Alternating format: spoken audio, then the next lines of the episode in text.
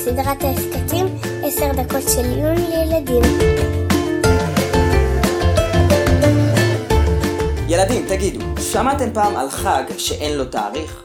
תראו, לכל חג, גם חגים שכתובים בתורה וגם חגים שנקבעו יותר מאוחר על ידי חכמים, יש תאריך קבוע בחודש. פורים חל בי"ד באדר, חנוכה בכ"ה בכסלו, את קורבן הפסח מקריבים בי"ד בניסן, בלילה שלאחריו חל ליל הסדר, וכך גם שאר החגים. רק חג אחד בתורה הוא חג בלי תאריך. כן, כן, בחג שבועות. חג שתי הלחם שדיברנו עליו בפרק הקודם. אין בתורה בשום מקום תאריך קבוע לחג שבועות.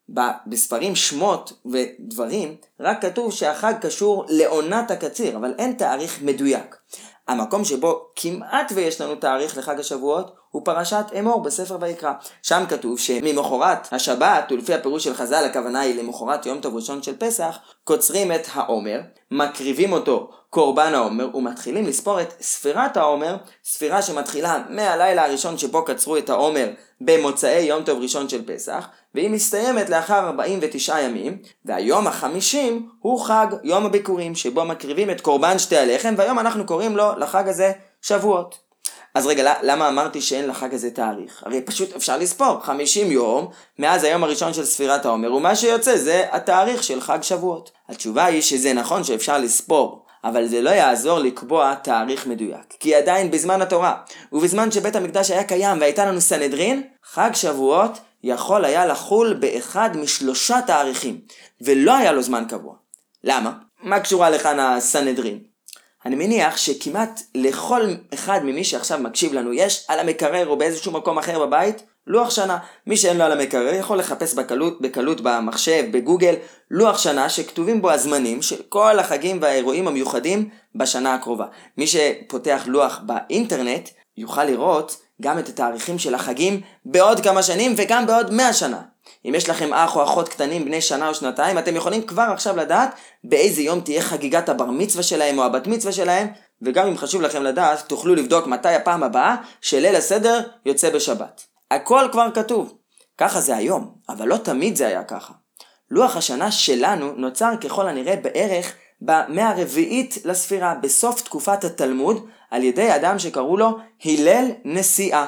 לא, לא, לא הלל הנשיא, שבטח אתם מכירים עליו הרבה סיפורים, הלל הנשיא חי עוד בתקופה שבית המקדש השני היה קיים, ואנחנו מדברים על חכם שחי הרבה אחרי חורבן הבית, אבל הוא היה מהמשפחה של הלל הראשון, וגם הוא היה נשיא, הלל נשיאה, בארמית זה הלל הנשיא. בתקופה שבה פעלה הסנהדרין, והיה לסנהדרין נשיא כמו בתקופת המשנה, היו מקדשים את החודש על פי ראיית מולד הירח. בכל תחילת חודש, הפעם הראשונה שבה אפשר לראות את הירח, ולא תמיד אפשר היה לצפות מראש, לדעת מראש, מתי יחול החג הקרוב.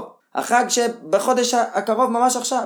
למה? כי החודש יכול היה להיות או חודש מלא, או חודש חסר. מה זה חודש מלא וחודש חסר? בכל חודש יש לא פחות מ-29 ימים. כשהיום הבא, היום השלושים, הוא יכול להיות ראש חודש של החודש הבא, אבל גם יכול להיות יום שלושים של החודש הקודם, ואז רק היום שלאחריו יהיה ראש, יהיה ראש חודש. זה תלוי האם יבואו אל הנשיא של הסנהדרין עדים שראו את מולד הירח בלילה שבמוצאי היום ה-29, ליל שלושים. אם יבואו עדים, אז היום שלאחר ה-29 בחודש הוא ייחשב כראש חודש של החודש הבא, ויצא שהחודש הקודם היה של 29 ימים בלבד, חודש חסר. אבל אם לא יבואו עדים, החודש יהיה מלא, זאת אומרת הוא יהיה חודש גדול יותר, יותר יתווסף לו יום, ורק היום הבא, היום ה-31, הוא ייקבע להיות ראש חודש של החודש הבא. אם לדוגמה, כ"ט 29 באייר יוצא ביום שני, אז ראש חודש סיוון יכול לצאת ביום שלישי אם יבואו עדים להעיד שראו את הירח ביום שני בלילה, אבל אם הם לא יבואו, אז יום שלישי ייחשב ליום ל', 30 בחודש אייר, וראש חודש סיוון יהיה רק ביום רביעי.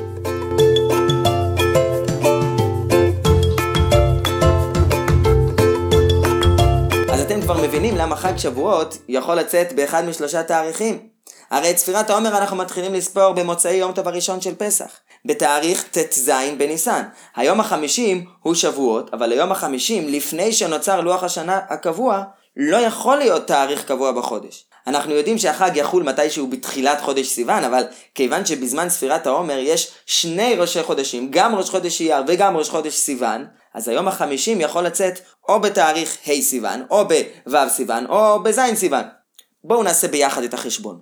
מיום ט"ז בניסן עד לתאריך כ"ט ניסן, סוף חודש ניסן, יש 14 ימים. אם העדים יבואו להעיד, אז ראש חודש אייר יחול ביום ה-30, זאת אומרת, היום ה-15 של ספירת העומר כבר יהיה ראש חודש אייר. אבל אם הם לא יבואו, אז חודש ניסן יזכה ביום נוסף. וראש חודש אייר יהיה רק ביום ה-16 של ספירת העומר. עכשיו נמשיך בחודש אייר, באייר יש לפחות 29 ימים, אז, אז בואו נחשב לאיזה יום בספירת העומר נגיע בכ"ט אייר, ביום ה-29 של אייר. טוב, זה, זה כבר מסובך לי קצת, שאני לא אתבלבל, רגע, אולי יש לי כאן איפשהו, אולי, אולי במגירה, איזה מחשבון, כן, הנה, בואו נחשב. 29 ימים של אייר, ועוד 14 או 15 ימים שהיו לנו כבר בחודש ניסן, כמה זה יוצא? כן, כ"ט אייר, בוא נגיד שוב שהוא יוצא ביום שני, היום ה-29 באייר, יכול להיות או היום ה-43 או היום ה-44 של ספירת העומר. כן? הוספתי 29 ימים של חודש אייר ועוד 14 או 15 ימים שעברנו כבר בספירת העומר בחודש ניסן, ככה הגעתי ל-43 או 44. אז עכשיו אנחנו כבר לקראת ראש חודש סיוון. האם יבואו עדים במוצאי כ"ט באייר, ביום שני בערב, שיראו את הלבנה? כנראה נדע רק מחר בבוקר ביום שלישי. אם יבואו עדים, ראש חודש סיוון יהיה ביום שלישי והוא יהיה או היום ה-44 בספירת העומר, או 45. אם הוא יהיה היום ה-44 של ספירת העומר, אז יוצא שיישארו לנו עוד כמה ימים לספור. עד היום ה-50 של הספירה, בוא נספור עוד כמה? לא הרבה, עוד חמישה, בוא נספור. ראש חודש סיוון ביום ה-44, ב' סיוון 45, ג' סיוון ביום 46, ד' סיוון ביום ה-47, ה' ביום ה-48, כן כן, יצא שספירת העומר תסתיים בו' סיוון, וז' סיוון יהיה יום הביקורים, חג שבועות. זה רק אם יבואו עדים, אבל יש אפשרות שלא יבואו עדים, וראש חודש יהיה רק ביום רביעי, מה יקרה אז? אז יצא שראש חודש סיוון הוא או ביום ה-45 של ספירת העומר, או ביום ה-46. אם הוא יהיה ביום ה-46, אז ב' סיוון יהיה ביום ה-47, היום ה-48 יהיה בתאריך ג' סיוון, וספירת העומר תסתיים בד' סיוון. חג שבועות יחול במצב כזה בתאריך ה' סיוון. וואי, אבא, אני התבלבלתי לגמרי עם כל המספרים והחישובים האלה. וואי, האמת שגם אני התבלבלתי, אבל אני חושב שהבנתי את הרעיון, אני מקווה שגם אתם. הרעיון הוא מאוד פשוט, ואחר כך כל אחד בבית, אם הוא רוצה, יכול לעשות לעצמו טבלה של הימים בחודש ולראות בעיניים איך זה יוצא בחשבון. פשוט גם חודש ניסן וגם אייר יכולים להיות או מלאים או חסרים. אם שניהם יהיו מלאים, חודשים של 30 יום, אז יצא שכשנגיע לראש חודש סיוון, נגיע לשלב מתקדם יותר בספירת העומר, ואז היום החמישים יצא מוקדם יותר בחודש סיוון, בה' סיוון. אם שני החודשים יהיו חסרים, של 29 ימים, אז בראש חודש סיוון נהיה בשלב פחות מתקדם בספירה, ושבועות יצא יומיים מאוחר יותר, בז' סיוון. אם אחד החודשים יהיה חסר והשני מלא, אז חג ש... אז שבועות יצא בדיוק באמצע, בו' סיוון, כן, נכון, זה ממש התאריך שבו חג שבועות יוצא בלוח הקבוע שיש לנו היום, שכבר אין סנהדרין ולא מקדשים את החודש על פי הראייה, ראיית העדים, אלא כל התאריכים קבועים מראש על פי הלוח שייסד לנו הלל נשיאה, ו' סיוון הוא התאריך של שבועות. עכשיו, אם אתם לא מאמינים לי, אתם יכולים לבדוק ולראות בעצמכם בלוח השנה. חודש ניסן השנה היה חודש מלא של 30 יום, וחודש אייר הוא חודש חסר. ולכן שבועות יוצא בדיוק באמצע, בו' סיוון. רגע, בוא נראה בלוח אולי שנה הבאה זה משתנה, וחודש ניסן הוא חודש חסר? לא, גם שנה הבאה אותו דבר. האמת היא שבלוח השנה הקבוע שלנו, חודש ניסן בכל השנים הוא חודש מלא, וחודש אייר תמיד חסר. בכלל, החודשים ברוב השנה משחקים פינג פונג. פעם חודש מלא, פעם חודש חסר. זה לא תמיד כך, אבל בדרך כלל. מתי לא? מתי יכולים להיות שני חודשים מלאים או חסרים ברצף? אילו חודשים לא משחקים פינג פונג? זה אתם מוזמנים לבדוק בעצמכם, ומי שיודע את התשובה, מוזמן לענות בקישור שמצורף מתחת לפרק ולכתוב לי.